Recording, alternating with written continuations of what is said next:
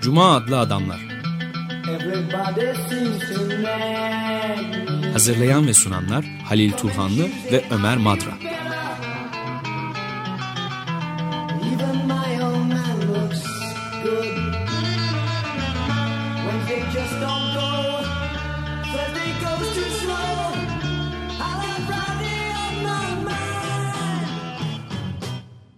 Merhaba Halil, hoş geldin. Teşekkürler. Ee, bugünkü programda bir kez daha Edward Said var. Çok e, sık Edward Said bu programa konu oluyor. Ama ben kalsın ben e, Edward Said'le Herbert Marcuse'u belki de dönüşümlü olarak yapacağım. Sıkıcı olmamak Evet. için böyle şey. Favori çok gözde düşünürlerimizden biri bizim. Evet, aynen öyle. Ama hayat da onu biraz dayatıyor. Yani söyledikleri hep e, güncel şeyler. Önümüzde de ışık tutan düşünceleri var. Bugünkü programda konu alacağımız e, eseri e, Başlangıçlar yeni yayınlandı Türkiye'de. Aslında 1975'te yayınlanmış bir kitap. E, İlk yayınlandığında Amerika'da tekinsiz eleştiri kapsamı içerisinde görülmüş. Başlangıçta kendisi de söylüyor. bunu. Tekinsiz eleştiri e, özellikle yer yapı sökümcülerinin Amerikan akademilerinde e, kullandıkları bir terim. E, She, Hillis Miller'ın özellikle o okulun içerisinde. Biz e, Miller'ı bir programımızda ona bir saat ayırmıştık. Parazit olarak eleştirmen kavramını incelemiştik. Tekinsiz eleştiri Fransız eleştirel düşüncesinin yani yapısalcılığın, post yapısalcılığın Amerika'daki etkisi ayrıca. Tekinsiz eleştiri demek sağduyudan, geleneklerden kopan eleştiri demek bu anlamda. Fakat e, e, Edward Said'in e, tekinsiz eleştiri kavramının bir itirazı var. Yani benim eserim başlangıçlar tam da olarak bir tekinsiz eleştiri sayılamaz diyor. Çünkü Amerikan üniversitelerine Foucault'un, e, e, Derrida'nın, Deleuze'un e, düşünceleri girdiğinde, onların dili merkez kaç olarak gören düşünceleri girdiğinde biraz bu düşünce e, evren, e, ehlileşmişti, evcilleşmişti aslında. E, tarihten e, ve politikadan kopuk olarak metinleri ele alıyorlar. Politik bağlamlarından kopuk olarak kendi içine metinin içine kapanıyorlar inceleyenler. Bu anlamda ben o tekinsiz eleştiriden e, sayılamaz benim eserim diyor. Yani tekinsiz eleştiri kavramı e, yapı sökümcüler, yer yapı sökümcüleri Amerika'da çok etkili olan yeni eleştiriye tepki olarak görmüş, e, doğmuşlardı. Craig Tate'in bir anlamda T.S. Eliot'ın eleştiriyi bir gelenek içerisinde gören, geleneğe bağlanma olarak gören ve bu- anlamda da eleştiriyi bir tür lonca pratiği haline getiren okula tepki olarak doğmuşlardı. Öne- önemli şeyler söylediler ama temel itirazı da Edward Said'in e, metinleri toplumsal ve politik bağlamlarından koparmaları. Ama şu var, e, İkinci Dünya Savaşı'ndan sonra özellikle Nietzsche'nin beşeri bilimler, Nietzsche'nin temsil ettiği nihilizm, Nietzsche'nin temsil ettiği türüyle nihilizm, beşeri bilimlerde bir radikalleşmeye yol açmıştı. Bunu Fransız eleştirel düşüncesi iyi kavramıştı. Foucault ve adını andığımız diğerleri. Amerika'da da bunu k- k- e, yansımaları oldu ama aynı zamanda söylediğimiz gibi e, bir ehlileşme, bir evcilleşme de söz konusu. Bu anlamda kendisini tekinsiz eleştiri kavramından, tekinsiz eleştiri kategorisi içerisinde e, görmekten görmek istemiyor açıkçası Edward Said. Şimdi gelelim başlangıçlar ne demek? Başlangıç demek her türün, her eleştirinin, tarihsel anın içerisinde gelişmiş olan eleştiri biçiminin bir otorite kuruyor. Her yazı türünün bir otoritesi var. Kendi kuralları var. Şiirin var, denemenin var, eleştirinin var, romanın var. Bunlar kanon da aynı zamanda bir yasa haline geliyorlar. E, Başlangıç demek e, bir anlamda e, kanon yıkıcı olmak demek. E, gelenekle kopmak demek, gelenekle hesaplaşmak demek, gelenekle e, analiz etmek demek. Hem bir sürekliliği göze almak demek, gelenekle hesaplaşmak, geleneği çok bilmek ama aynı zamanda gelenekle de dediğim gibi analiz etmek, gerekli yerde de ondan kopmak demek. Başlangıç bir eylem, başlangıç bir zihinsel durum ama başlangıç hepsinden önemlisi galiba yazarın, eleştirmenin oturup yeni anlamlar üretme niyeti. Yeni, bu yazın, yazıda, e, metinde yeni anlamlar üretmek. Bu e, din dışı bir üretim, seküler bir üretim. Teolojik bir üretim değil, yeni anlamlar üretmek, yeni bir perspektif açmak demek, dünyaya yeniden bakmak demek. Şimdi her eleştirmen, her yorumcu kendi hakikatini, o bir ka- hakikat beyanında bulunuyor. Yani onu keşfettiği bir hakikati, hakikat metnin içerisinde bulunan bir şey değil keşfedilecek bir şey değil. Hakikatini icat ediyor. Burada e, örnek olarak çok verdiği birçok örnek var. Bir tanesi T.E. Lawrence, bize bilinen adıyla Arabistanlı Lawrence. E, Bilgeliğin yedi sütununda bir şöyle başlangıç var. Bu bir Arabistan'ın tarihi değil, benim tarihim. Ben nasıl görüyorsam Arabistan'ı e, yaşadığım deneyimlerimle öyle anlatıyorum sizlere diyor Bilgeliğin yedi sütununda. Orada bir hakikat e, buluyor, kendi hakikatini.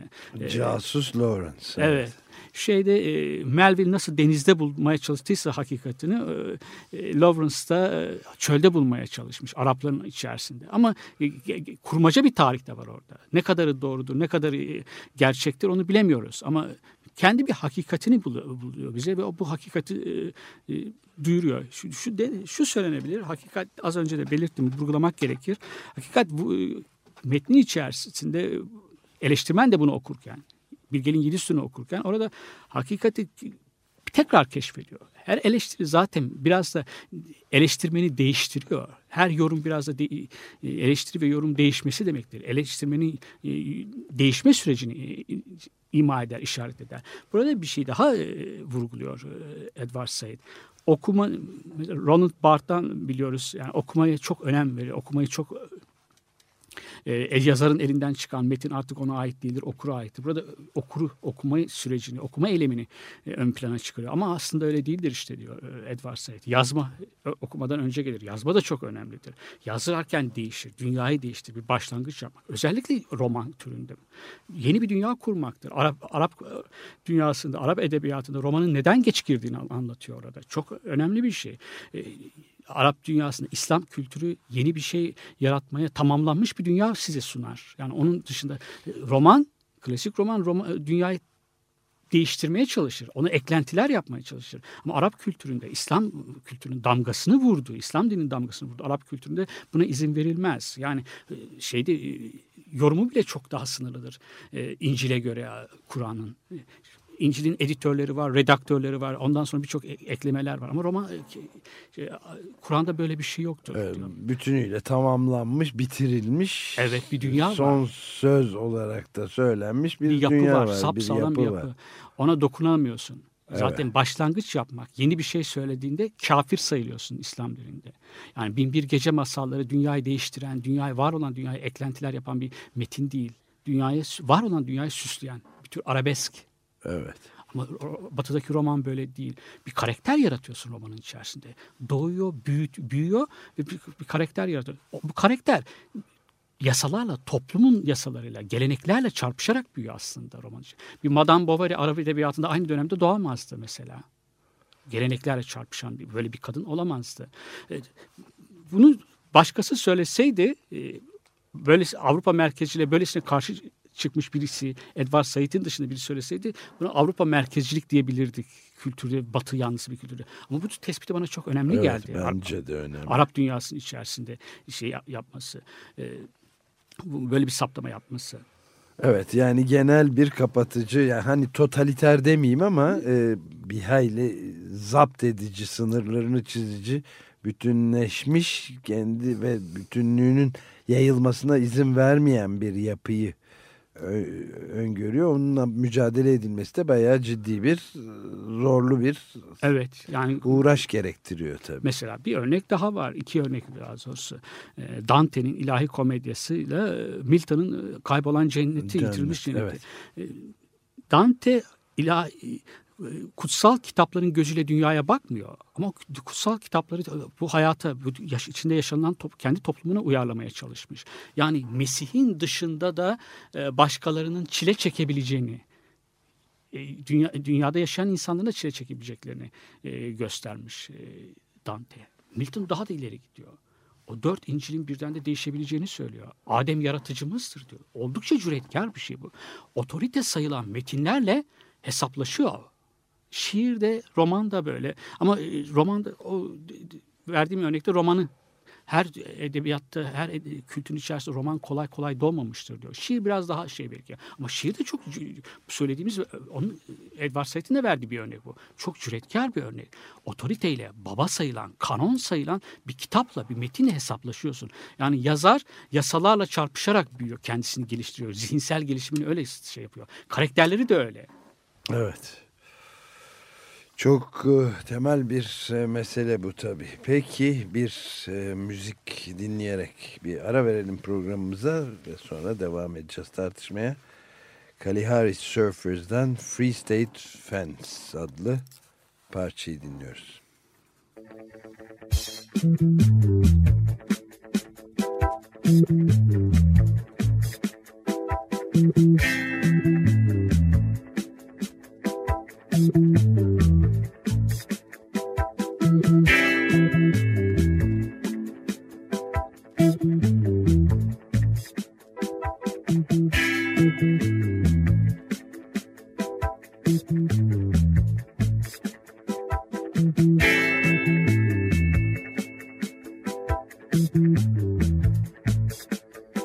And the carrots stare, puffy-eyed orange, the sun beating down the thirsty retreat, sucking dust from the land.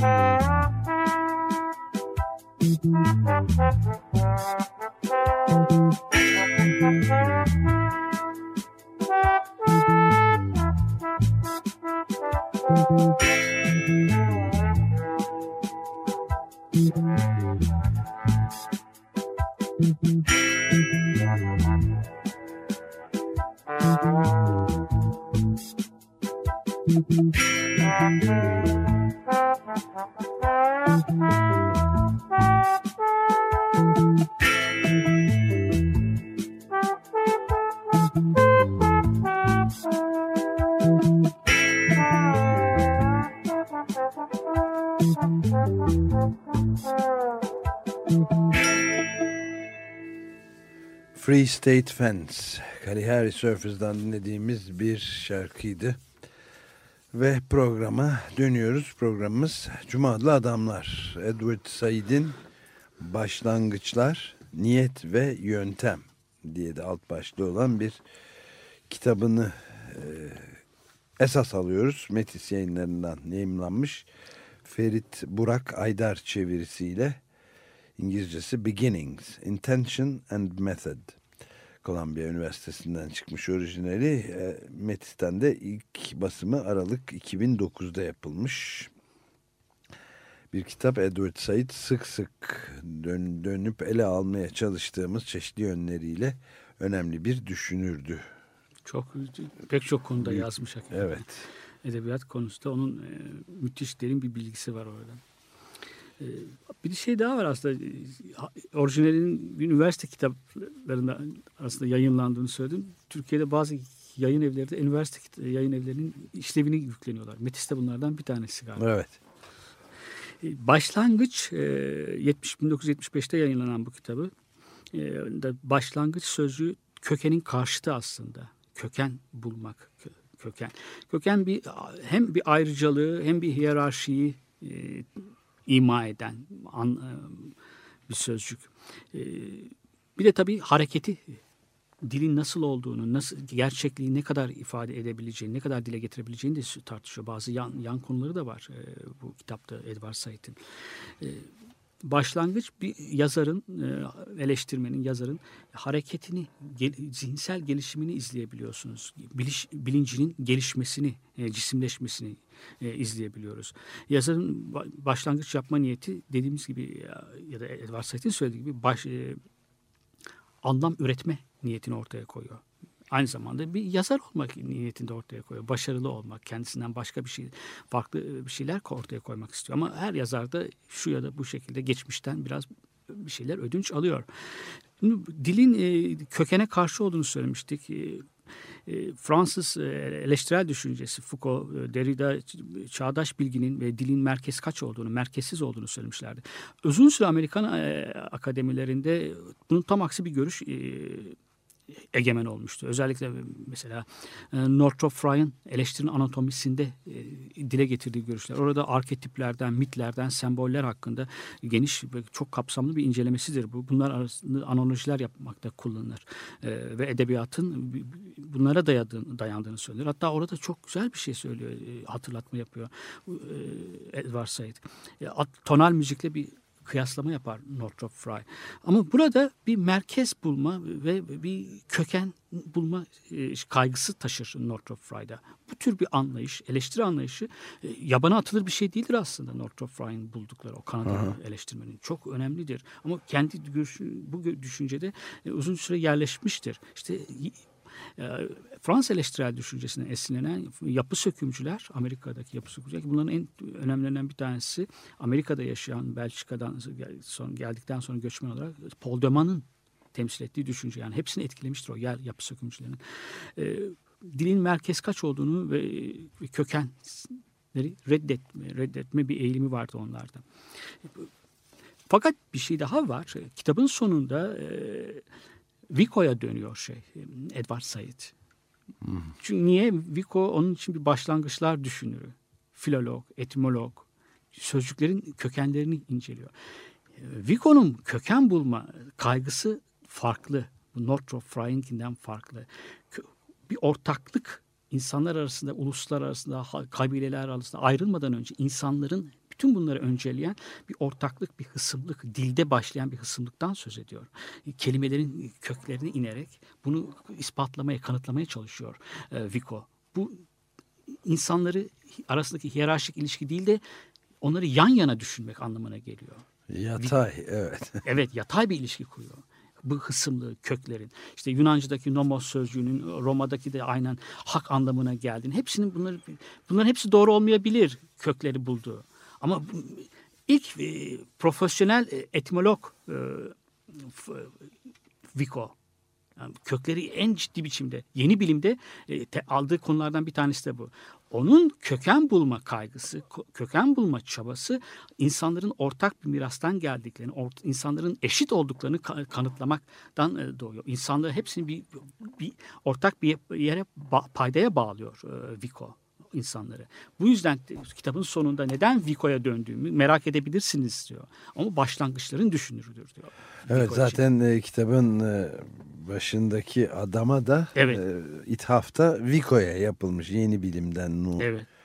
Scienza Nova'dan öğretiler başlangıçlarını inceledikleri meselelerin başlangıcından almalıdır sözünü de kitabın başına almış Edward Said. Vico kartezyen düşünceden farklı olarak insanların hiç başlangıçta açık seçik düşünemediklerini söylüyor. Açık seçiklik yok düşüncelerde. Descartes öyle demiyor. Hep insan bilinci açık seçik her şeyi kavrayabiliyor. İşte öyle değil aslında. Ne çocuğun bilinci açık seçik, çocuk olan çocuktan gelişmeyen bir birey olarak ne de tarihsel olarak insanın, insanlığın bilinci açık seçik.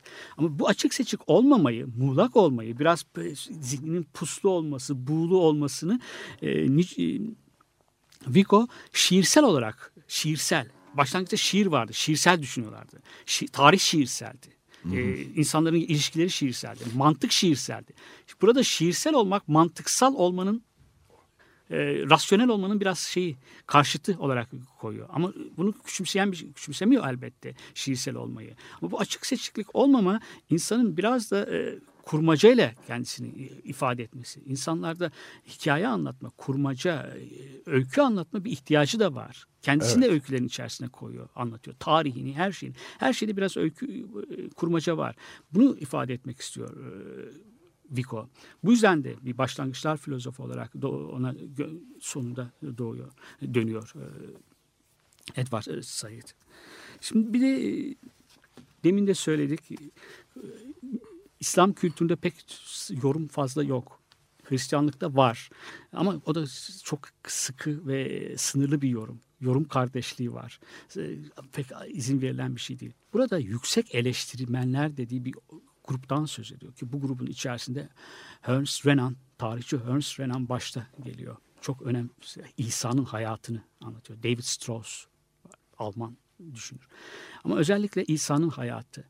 Kutsal metinlerden çıkarak, yola çıkarak yazılmış bu kitapta, İsa'nın hayatında e, Renan, İsa nasıl tahrif edilmiştir? Editörleri, redaktörleri diyebileceğimiz havarileri tarafından nasıl tahrif edilmiştir onu yazıyor. Ya da şöyle söyleyeyim, yazılı olmasaydı İncilsiz İsa nasıl olurdu? Aslında İsa şifa, bütün düşüncelerini yeni bir ahlak getirmiştir. Bir devrimcidir. E, Baba ile oğul arasındaki ilişkiyi e, ortaya koyuş biçimiyle devrimcidir. Babayı ancak benim vasıtamla tanıyabilirsiniz diyor İsa ve bir oğul dini koyuyor, ortaya koyuyor. Oğul burada aracı. Baba ile oğul arasında bir hiyerarşik ilişki yok İsa'da. Oğulla baba yan yanalar. Yani bir eşitlik ilişkisi var. Ancak oğlu da dediğim gibi benim vasıtamla tanıyabilirsiniz. Ben onu. Bunu şifahi olarak yazmak yaymak istiyor. Niye? Çünkü yazılı yasa haline ahlakını yasa haline getirmek istemiyor.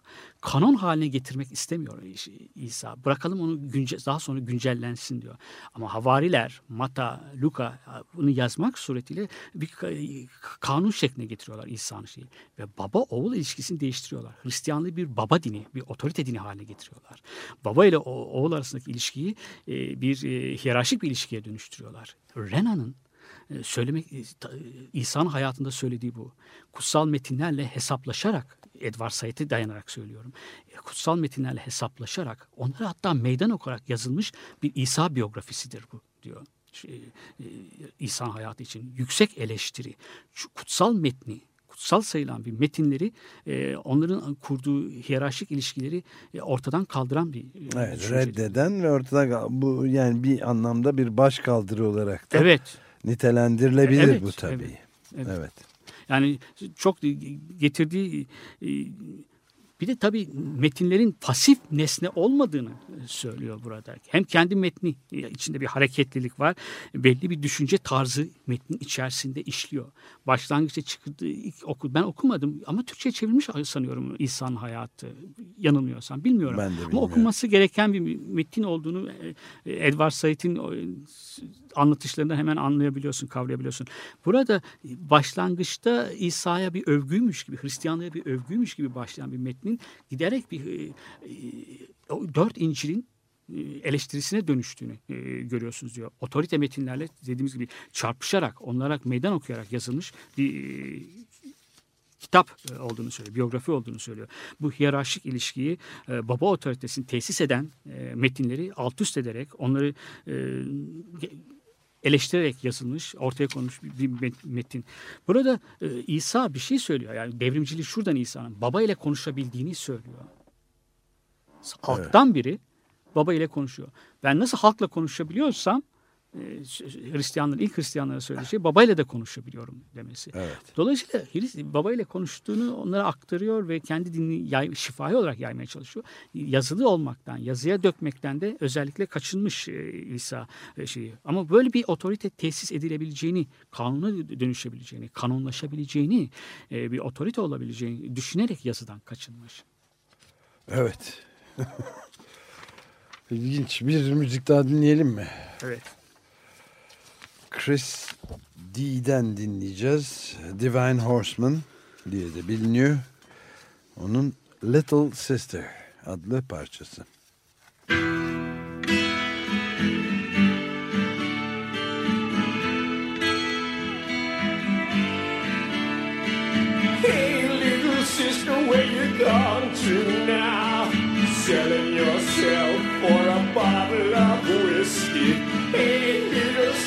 where you're going now? Cold stars in the night sky. They don't care if you're free or if you're chained to an old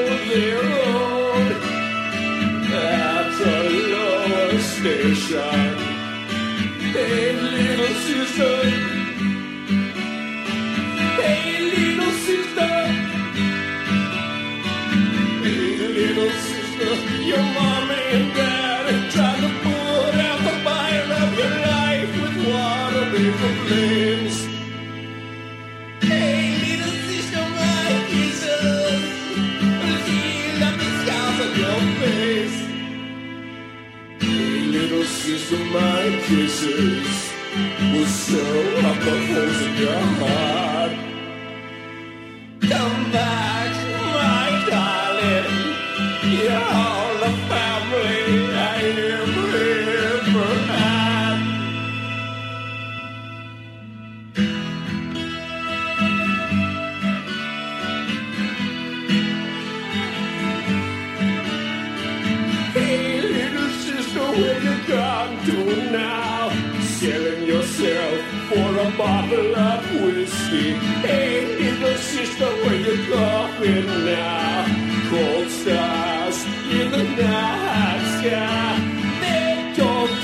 You're free or if you're chained to an old oak tree. So have the courage reach out to me. Hey, little sister, where you gone to now?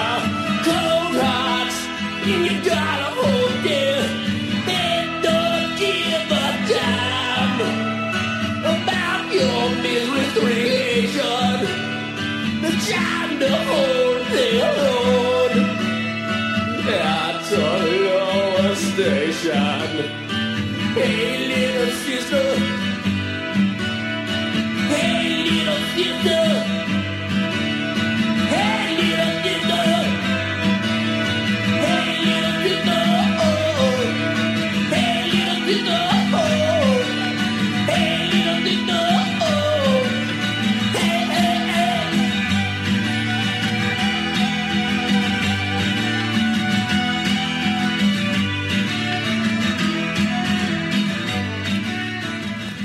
Little Sister dinlediğimiz parçanın adı Chris Lee'den ya da Divine Horseman'dan dinlemekteydik. Hatta da hala dinlemekteyiz. Evet saat 11.30 Cuma adlı Adamlar programı Açık Radyo 94.9 ve açıkradyo.com.tr'de de yayın yapıyor. İnternet üzerinden ve Cuma adlı Adamların bugünkü saatinde Edward Said'in oldukça zaman önce 1975'te ilk yazılmış Başlangıçlar Niyet ve Yöntem adlı eserinin daha sonra e, Türkçe'de yayınlanmış, yayınlanmış halinden de elimizde var. Ferit Burak Aydar çevirisiyle Metis yayınlarından yayınlanmış ve burada başlangıç kavramının tam temel kavramları yaratmakta ne kadar büyük bir önem taşıdığı Oradan da çeşitli e, yazarların ya da düşünür şair takımının nasıl böyle bir başlangıç denemeleri yaptığını da tartışıyorduk. Söz e, Vico'ya ve oradan Dante'ye kadar da uzandı. Evet. Metinlerin bazıları da kurmacı olan metinlerin o tarihsel önemlerini belirli bir tarihsel dönemi anlamada ne kadar ışık tutabileceklerini de bize e, göster, e, gösteriyor Edward Said.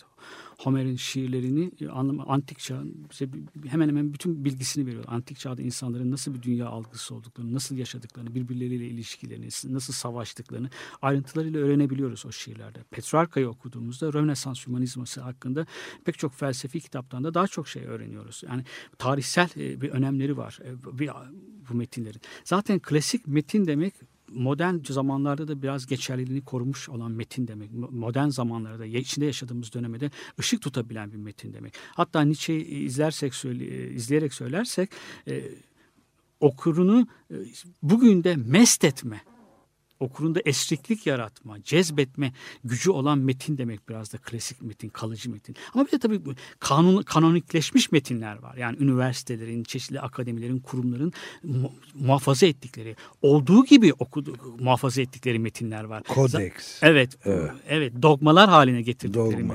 metinler var. Ama bu Edward Said'in söylediği klasik metinlerin canlı olduğunu, yaşayan metinler olduklarını, içinde hareket olduğunu ve onları e, okuyarak kendi hakikat, bugüne dair hakikatleri keşfede, e, icat edebileceğimizi, keşfetmek değil, icat edebileceğimizi e, gösteriyor bize. E, Verdiği örnekler işte andık bir tanesi Renan'ın e, İsa'nın hayatı, diğeri de Ed- Milton'ın kaybolan cenneti. Orada şey, İs bizim Adem'in soyundan geldiğimizi söylüyor. Bu, zaten bu nedenle de biraz Blake e, Milton'ın şeytandan yana olduğunu söyler. O e, otoritesini sarsıyor. Baba olan baba otoritesi tesis etmiş olan metinlerle çarpışıyor yazar burada. Aynı şekilde de e, Renan İsa'nın hayatı İsa'nın doğaüstü bir güç ol- doğaüstü bir güce sahip olmadığını söylüyor. Onu yazanların e, onu yanlış yanlış anladıklarını, hatta o metinlerin değişmezlik gücüne sahip olmadıklarını söylüyor. Daha dahası güvenilir olmadıklarını söylüyor.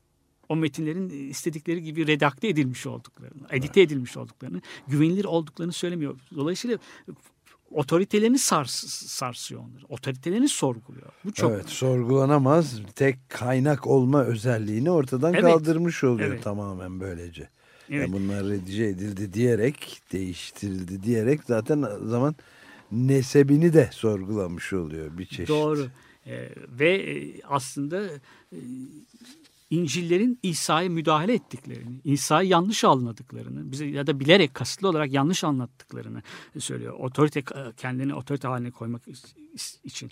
Böylelikle de Edward Said'in söylediği gibi İncilsiz İsa, İnciller olmadan iki İsa daha özgün İsa'ydı, daha halka yakındı, daha iyi bir İsa'ydı. Onun nasıl olabileceğini, daha iyi olabileceğini söylüyor. Dogmaları olmayan bir İsa'ydı diyor, İncilsiz İsa. Keşke yazılmasaydı onlar. Ve güç peşinde gibi bir Evet hiç yok. şey İsa'da öyle yok. hiçbir güç yok. yok, Güç evet. peşinde değil. Ee, ke- ve dediğimiz gibi kendisini doğrudan Tanrı'nın yerine koymuştu İsa. Başla, e, başla, sen de söyledin dikkat çek, senin de dikkatini çekmiş. Hemen e, Vico'dan bir alıntıyla, yeni bilimden bir alıntıyla başlıyor kitap.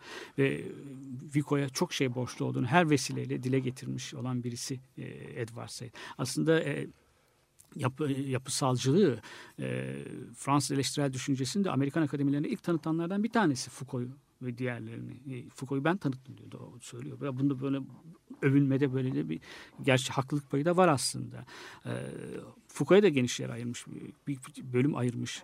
E, Demin de söyledik e, böyle bir başlangıçlar üzerine bir kitap yazarken başlangıçların düşünürü olan e, Vico'yu göz ardı edemezdim diyor Edward Said. E, Vico'ya dönmesinin nedeni dediğimiz gibi bir- bir- Descartes'in tam tersine Kartez Batı düşüncesini damga vurmuş. Batı insanın e, düşüncesinde e, büyük yer tutmuş olan o kartezyen düşünceyi e, sarsan bir düşünür aslında Vico. İnsan zihninin belirsiz bir doğası olduğunu söylemekle, açık seçik fikirlerinden yoksun olduğunu, en azından başlangıçta böyle olduğunu, e, hem çocuğun düşüncelerinde hem de insanın ilk başlangıcında, insanlık tarihinin başlangıcında açık seçik fikirlerin olmadığını söylemesi, sözcüklerin başlangıçta bedenle e, bağlı olduklarını, daha sonra insanın gelişmesiyle birlikte bedeninden koptuğunu, sözcüklerin bedenle ve soyutlaştığını e, söylemesi, şiirsellikten kurumlaşmaya doğru gittiğini aynı zamanda söylemesi e, ve böylelikle bir hareketliliğe dikkat çekmiş olması e, önemli.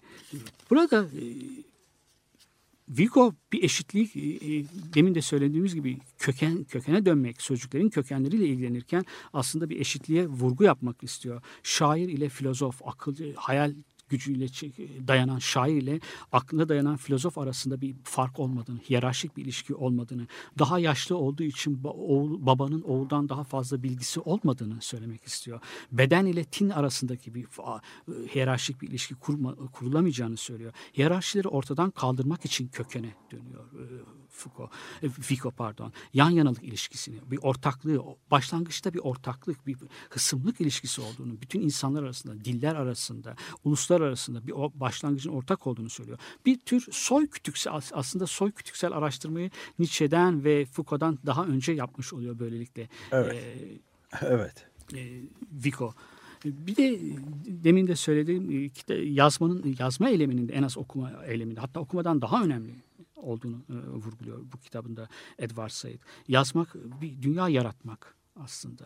İnsanlar yazarak kendini ifade ediyorlar. Bir karakter yaratıyorsun.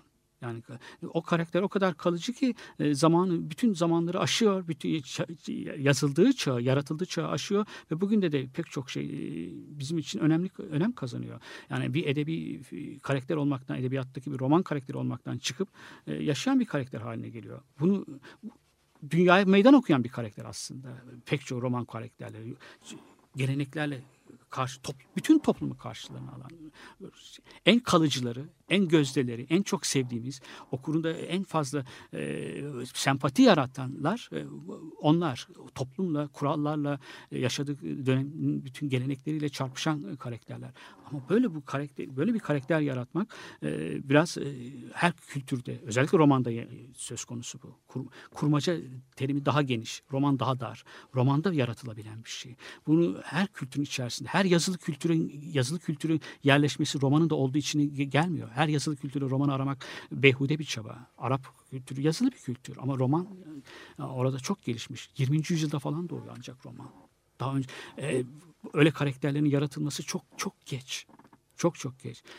Nedeninde Edward Said'in söylediği gibi e, kapalı bir dünya. Yani e, insanların o dünyada değişme yapmasına pek izin verilmeyen bir dünya. Bunu da pek çok e, Arap dünyasındaki yazarlar göze alamamışlar. Yani roman batıya özgüdür diyor açıkçası.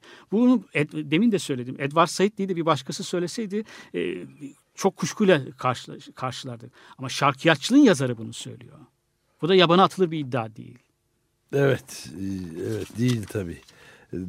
Peki e, romanın gecikmesiyle ilgili olarak mesela şeyden e, Don Quixote'den Evet. ne şekilde bahsediyor Cervantes'in? O Don Quixote'den tam olarak değil romanda ama romanların insan ruhunu derinliğine giren bir şey var. Yani e, Nietzsche ile ve Freud'la Dostoyevski ve Konrad arasında bir benzer ortak bir benzer ortak bir nokta olduğunu söylemiş. Evet. Hepsi yani hepsi insan ruhunu anlamaya çalışıyorlar. Bir de tabii bireyin e, cemaat içerisinde yaşayan insanların cemaat e, bağlarının kuvvetli olduğu yerlerde romanın doğması pek de mümkün değil aslında. İnsanın bir, önce birey olarak ortaya çıkması gerekiyor. Bir bireyselliğin ortaya çıkması gerekiyor. E, tam e, tek tek bütün yazarları ele almamış ama genellikle romanın yani roman bir dünya yaratmaktır. Ya da var olan dünyaya bir alternatif yaratmaktır. Dünyanın var olan gerçekliğine biraz meydan okumaktır. O gerçekliği tamamlamaktır. Gerçi oradaki e, evet boşluklarını doldurmaktır. Var olan dünyanın boşluklarını doldurmaktır. Her kültür buna izin vermez. Ama Batı kültürü buna, buna- izin veriyor. Yani bunu teşvik ediyor aslında. Öyle o kültürün içerisinde yetişen aydınların e, ya da yazarların e, böyle bir imkan veriyor diyor. Bunu dediğim gibi e, belki de üçüncü kez söylüyorum. Edward Said söylemeseydi gerçekten şey Batı, buna Avrupa merkezi demek kolaydı. Ama Edward Said'in ağzından böyle bir şey çıktığına göre Tam bu üzerine ciddi ciddi düşünmek gerekiyor bence. iyice eleştiri getirmiş ciddi olan ciddi bir adam. Evet doğru. Boşlukların doldurulması ha. Çok evet, var olan dünyanın boşluklarını doldurması. Evet, var çok- olan dünyanın gerçekliğini e, tamamlamak aslında. Evet. Onu değiştirmek yani karakter yaratıyorsun. İnsan yaratmak çok kolay bir şey değil. Resim yapmak falan yasaklanmıştır bazı dinlerde. Evet. Karakter yaratmak e, bir insan yaratıyorsun. Ama bu insan da e, yaşadığı toplumun gelenekleriyle çarpışan bir, bir insan, çatışan bir insan. Tabii yazar da kendisini koyuyor onun içerisine. Ben Madame Bovary'in boşuna demiyoruz yazarı. Evet. Peki gene Christie ile devam edelim. Divine Horseman Tears Fall Away adlı şarkıyla.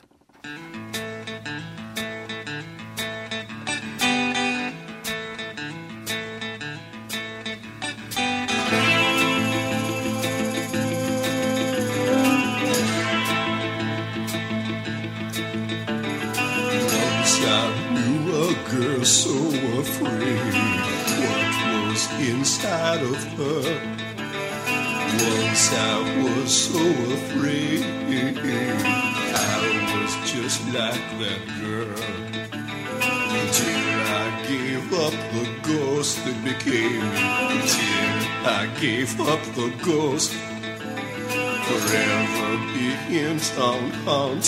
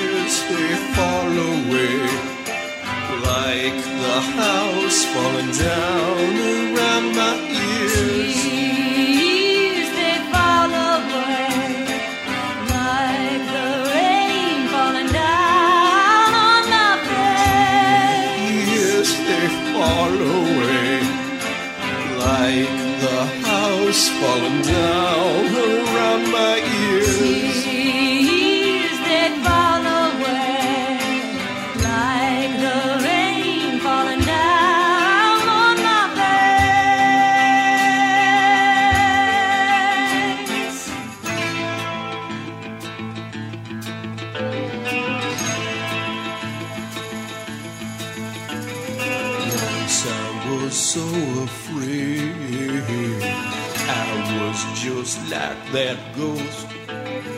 Till I broke my flesh right down to the bone and made the whole angry world my loving home. No judge, no jury can stop the power of the heartbreaking hour. And my fear fell away, and my tears fall away, and my cares are swept away.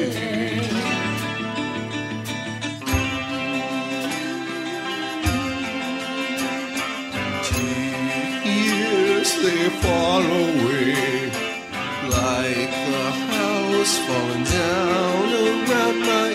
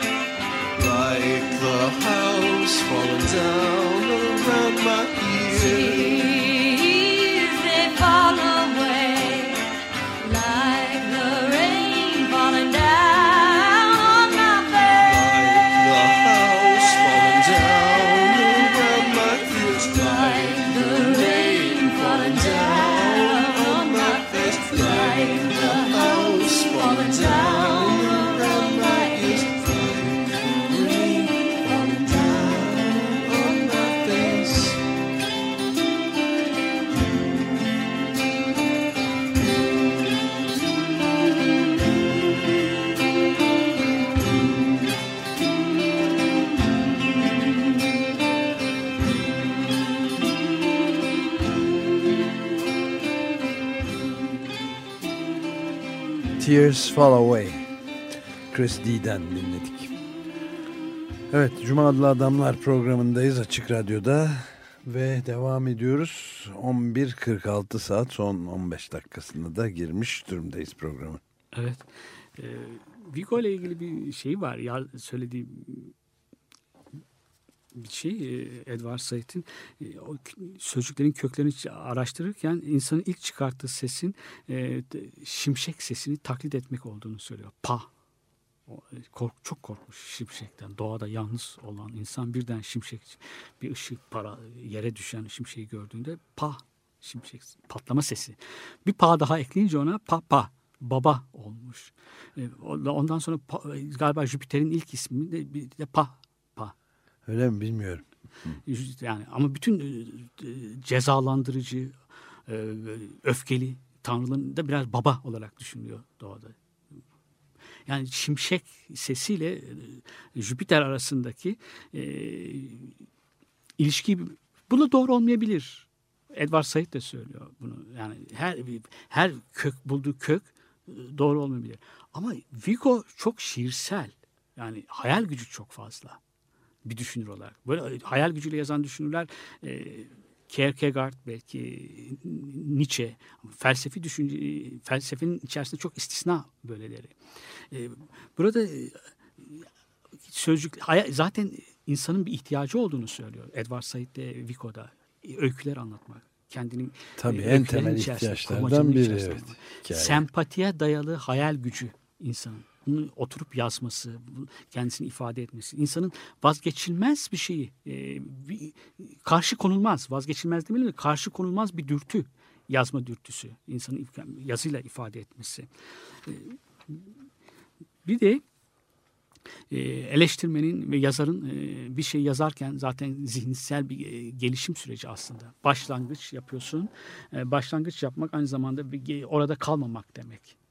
Hem geleneklerle bağ kurmak demek ama aynı zamanda geleneklerden kopma süreci demek. Ama en önemlisi eleştirmenin, yazarın e, kendisini geliştirmesi demek. Zihinsel gelişimini izleyebiliyorsunuz orada. Edward Said'in de bu kitapta yaptığı çeşitli e, eserleri alarak yaptığı bu e, kitabına başlayan başlangıçtaki yazar ile ya da eleştirmen kitabı noktalayan eleştirmen artık aynı değil. Evet. Değişmiş bir şekilde. Her her e, kitap onun için çok farklı, yaşanamaz, e, başkalarınca yaşanamaz bir deneyim aslında. E, William Burroughs'a soruyorlar bir kitabındaki o karakteri nereden yarattın, hayatında mı buldun diyor. Hayır hayır diyor ben o karakter oldum kendim diyor. Yani yazdım, yazının sürecinde bir baktım ki ben ona, ona dönüşmüşüm yazma sürecinde diyor. Ki pek çok hayatı da çok e, ilginç bir yazar. Yani sıradan bir hayat yaşamış birisi değil e, William Burroughs. Ama yazar yazma süreci içerisinde dönüştürüyor. Dönüştürüyor tabii. Eleştirmen de böyle. Eleştirmenin de düşünceleri pek çok bakımdan e, değişir diyor. Yani başlangıç yapar ama orada kalmaz. Başlangıç yapmak bir hareketliliği, bir projeyi, gelişmeyi ama bu teolojik bir gelişme değil elbette. Bir anlam üretmeyi, hayatta çok fazla farklı anlamlar yüklemeyi e, ifade ediyor ba- başlangıç burada. E, anlam üretmek aynı zamanda bu şey dünyaya farklı bakmak demek anlam üretmek. Bize de bir hakikati icat etmek demek. Hakikat orada bulunabilir bir şey değil. Metnin içerisinde bir başka yazarın sakladığı bir şey değil. Ama onu bulabiliyorsun. Bir şey daha söyleyeceğim. Ee, bazen e, bazı metinler bir başka metine dayanıyorsun. Yani gelenekten de öyle çok radikal kopmalar da mümkün değil. Mesela e, T.S. Eliot'ın e, Çorak ülkesinde pek çok alıntılar vardır. Alıntılarla, dipnotlarla oluşturulmuş onlarla bir şey. ö- evet. öyle oluşturulmuş Evet, bir şiirdir evet. zaten. Yani- Örgüsü o. modern bazı modern yazarların bu bunalımı aslında bağlardan kopmak, gelenekle kopmakla başka bir geleneğe bağlanmak arasında tereddütleri e, şeyin e, T.S. Eliot bunu Anglik- Anglikan kilisesine bağlanmakta buluyor. E, Ezra Pound'un biraz daha kötü. Faşizme bağlanmakta bulunuyor. Ama bu bağlanmak, gelenekten kopmakla bir başka geleneğe içerisinde kendini görme şeyi var. Bunun metinle ne ilişkisi var dersen metinlerde de gelen, çok klasik metinleri aslında çok bilinen metinleri metinlerden alıntılar var. Çorak ülkenin içerisinde kutsal e, kitaplardan Metin, pek evet, çok yerlerden evet. var alıntılar. Ama bu alıntılar sıradan bir alıntı da değil o kadar sıradan değil ki e, çorak ülkeye özgün bir şey yapıyorlar sonuçta. Yine de alıntılarla oluşmuş ama özgün bir metin ortaya Evet. çıkıyor. Çok özgün bir şey. Yani al- alınanlardan, e, eklemlenenlerden Evet. bir bütün- bir Çok daha fazla. Evet. E, Edward şey. Said'in söylediğine göre. Bir de e, demin romandan bahsettik. Roman tamamlanmamış bir dünyanın boşluklarını doldurur. Gerçek. Evet. Her romancı gerçekliği değiştirmek amacıyla romana e, romanına başlar. Zaten e, bir başka ya- yazdığı bir başka romanından da farklı bir şeyler yazmak için başlar zaten. Aksi takdirde kendi kendisinin parodisine dönüşür bir romancı ki bu da çok sık gösterilir. Rastlanan Rastlanan bir bir şey, şey. Yani bu evet. kurmaca e, da bir şeyler yaratmak, özgün bir şeyler yaratmak e, herkesin de harcı değil. Büyük hayal gücünü gerektiren bir şey. Bir sabır gerektiren bir şey. Başka birikimi gerektiren bir şey. Yaşam deneyimi. Pek çok şey var. Kendi kendisinin parodisine dönüşmüş yazar dolu. Ortalık, e, edebiyat evet. dünyasında. Burada romanın yenilikçi, yenilik, yeni bir dünya, alternatif bir dünya yaratmak e, e, ne kadar yaratıcı olduğunu, bir tür olduğunu vurgulamak için herhalde roman sözcüğüne bakalım. Novel, novelty, yenilik, başlangıç anlamına geliyor zaten kendisi. Yenilik, yeni bir şeyler yaratmak, yeni bir dünya kurmak. Metinde, yazı olarak yeni bir dünya kurmak. Ama kurulabilecek bir dünyanın da aynı zamanda e, projesini sunmak insanlara. Alman e, e, hem Walter Benjamin'in hem de Herbert Marcuse'nin doktora tezlerini yazdıkları Alman sanatçı romanında kahramanları sanatçı olan romanlar. Orada toplumla bütün bütüne karşı karşıya gelen kişiler, karakter, roman karakterler var. Ibsen'de çoktur böyle. E, Ibsen'in şeylerinde, Strindberg'in oyunlarında çoktur. E, Thomas Hardy'de çoktur. Bütün büyük romancılarda toplumla karşıla, toplumun gelenekleriyle çarpışan karakterler yaratmışlardır. İşte bu bunu yaratmak her kültürün içerisinde böyle bir şey tür e, gelişemiyor maalesef. Evet. Va yani bir birkaç Toparlayalım. dak- toparlayabiliriz evet, Evet. birkaç bugünkü bugünkü e, programımızda çok pek çok defalar ben de sayısını hatırlamıyorum ama Edward Said'i bir kez daha şey yaptık ama her ele aldığımızda ayrı bir yönüyle ele, alıyor- ele alıyoruz Edward Said'i. Bu tabii Edward Said'in ne kadar derinlikli bir düşünür olduğundan ge- geçtiğimiz yüzyılda damgasını vuran az sayıdaki düşünürlerden biri olmasından kaynaklanıyor. Bu kez de onun 1975'te Amerika'da yayınlanan ve bizde de çok kısa bir süre önce yayınlanmış olan Başlangıçlar kitabını ele aldık. Burada bir edebiyatçı yönüyle, edebiyat eleştirmeni e, yönüyle karşımıza çıkıyor Edward Said. E, 2003'te Evet. ölmüştü. Evet. E, 1975 e, 1975'te de kitabı yayınlanmış ve ya- yayınlandığında da yankı uyandırmış. E, Zaten hep Edward Said galiba şarkıyatçılıktan bu yana yankı uyandırmayan hiçbir şey yok. Ya, yok, kitapları evet. değil, söyledikleri, eylemleri her şeyle e, tartışma yaratmış bir yazar. İlk yayınlandığında programın başında söyledik tekinsiz eleştiri sayılmış. Buna tekinsiz eleştiri geleneklerden kopan, sağduyuya karşı olan, yenilik getiren, kanon yıkıcı eleştiri e, anlamına kullanılıyor. Edward Said bunu buna bir, bir itirazı olduğunu söylemiştik. O da yenilikçi, e, tekinsiz eleştiri kavramını Amerika'da yerleştirenler, yer yapı sökümcülerinin Fransız eleştirel düşüncesini biraz ehlileştirdiklerini, metni bütün bütüne e, tarihsel bağlamından kopardıklarını ve kendi içine kapandığını, metni, sadece metin metnin dışına çıkmaktan kaçındıklarını söylüyor ve bu itiraz da bu noktada. E, Edward Said gerçekten de edebiyatı, her şey, yazılmış her şeyi, kutsal metinleri, romanları, şiirleri, her şeyi ve yapılan müziği Schönberg'in müziğinden tutalım da bütün Beethoven'ın e, her şeyi, bir piyanoya dokunuşunu bile bir piyanistin e, tarihsel ve politik bağlamında düşünen bir Evet birisi. çok e, yönlü biri. Onun için de zaten işte bütün bu bağları kurduğu, Evet, bütün bunları müthiş. söylediği için de muhafazakarlar ve Evet. sağ kanat mensupları da tahammül bile gösteremiyorlar birçok. Bu başlangıçlar e, önce bir makale olarak Evet. çıkmış galiba. Onunla başlayarak ama bütün bu söylediklerine işte o zaman başka anlamlar yüklemeye çalışıyorlar. Sağ tahammül edemiyor böyle Evet. bir şeye yani. Bir şey daha söyleyeceğim. Ee, İyi bir şey hatırlattım. Ee, Şimdi bir, bir yazıda da okumuştum bir tarihçi e, bayan. Ee, Edward Said'in oryantalizmle, şarkiyatçılıkla yazdıklarının biraz yanlışlar içerdiğini e, söylüyordu. Bu önemli değil. Yani beşeri bilimlerde e, yanlışlar yapılma, yapılabilir. Yanlış olup olmadığını zaman da gösterir aslında. Evet. Önemli olan e, var olan düşünceye, yaygın düşünceye karşı gelmiş olması Edward Said'in. Yani bir paradig, kanon yıkıcı. Evet, kendisi tam kanon bunu- yıkıcı yazarlardan sözü. Kendisi de onlardan bir tanesi aslında. Biri, Tevazu gösteriyor. bu. E, Yani onlardan bir tanesi. Paradigma değiştirici bir yazar olması gerekiyor. İkona kırıcı. Evet, ikon kırıcı, tabu yıkıcı, yani kanon yıkıcı ne, ne dersek diyelim. Bir şey e, paradigma değiştirmiş bir kitaptır şarkıyatçılık. Ama he, ama hemen hemen hepsi her yazdığıyla öyle. Var olan düşünceyi e, sorgulayan, köktenci biçimde, radikal biçimde sorgulayan bir yazar. E, düşünür aynı zamanda. Politik, güncel politik konularda da yazdığında da, Arap dünyasıyla, Filistin sorunuyla da yazdığında. Doğru değil. Yani gerçekten bazı şeylerini e, okuduğumuzda e, Yahudi düşünürlerin mesela Michael Lerner'ın bir eleştirisi var ölümünden sonra yazdı. Onda da hak veriyorum onu ben Michael Lerner'a. Doğru olması şart değil ki insanın yazdıklarının hepsinin yüzde yüzü doğru. farklı şeyler söylemiş olması gerek. Ama tabii farklı şeyleri söyle, Söyleyince söyleyebilmek için mesele- bir, büyük bir birikime dayanman böyle. gerekiyor. Edward Said'de bu fazlasıyla var. Evet bence de öyle. Evet bu şekilde programın da sonuna e, gelmiş bulunuyoruz. Bitirirken size Indigo Girls'dan Tangled Up in Blue adlı şarkıyı çalacağız. Bob Dylan'ın bestelerinden birinin yeniden bir yorumu.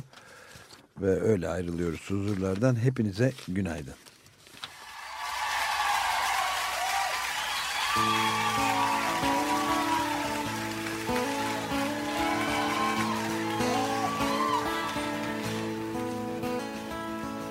Early one morning the sun was shining. I was laying in bed, wondering if she changed at all, if her hair was still red. Well, folks, they said our lives together sure was gonna be rough. They never did like Mama's homemade dress. Papa's bank book wasn't big enough. The young standing on the side of the road, rain falling all in the shoes. I'm heading out to the East Coast. Lord knows I paid some dues getting through. Tangled up in blue. She was married when we first met, soon to be divorced. I help her out of a jam, I guess, but I use a little too much force. We drove that car as far as we could, abandoning it out west. We split up on a sad, dark night, both agreeing it was best. Turned around and looked at me as I was walking away. And I heard her say over my shoulder, we'll meet again someday on the avenue. Tangled up in blue.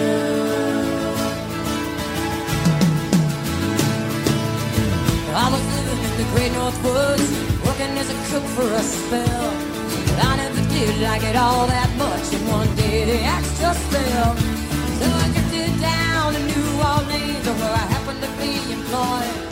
Yeah, I was working for a while on a fishing boat right outside of Delacroix. And all the while I wasn't known, the past was close behind. I've seen a lot of women.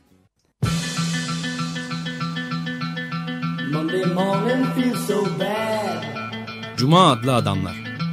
Everybody seems to nag. Hazırlayan ve sunanlar Halil Turhanlı ve Ömer Madra.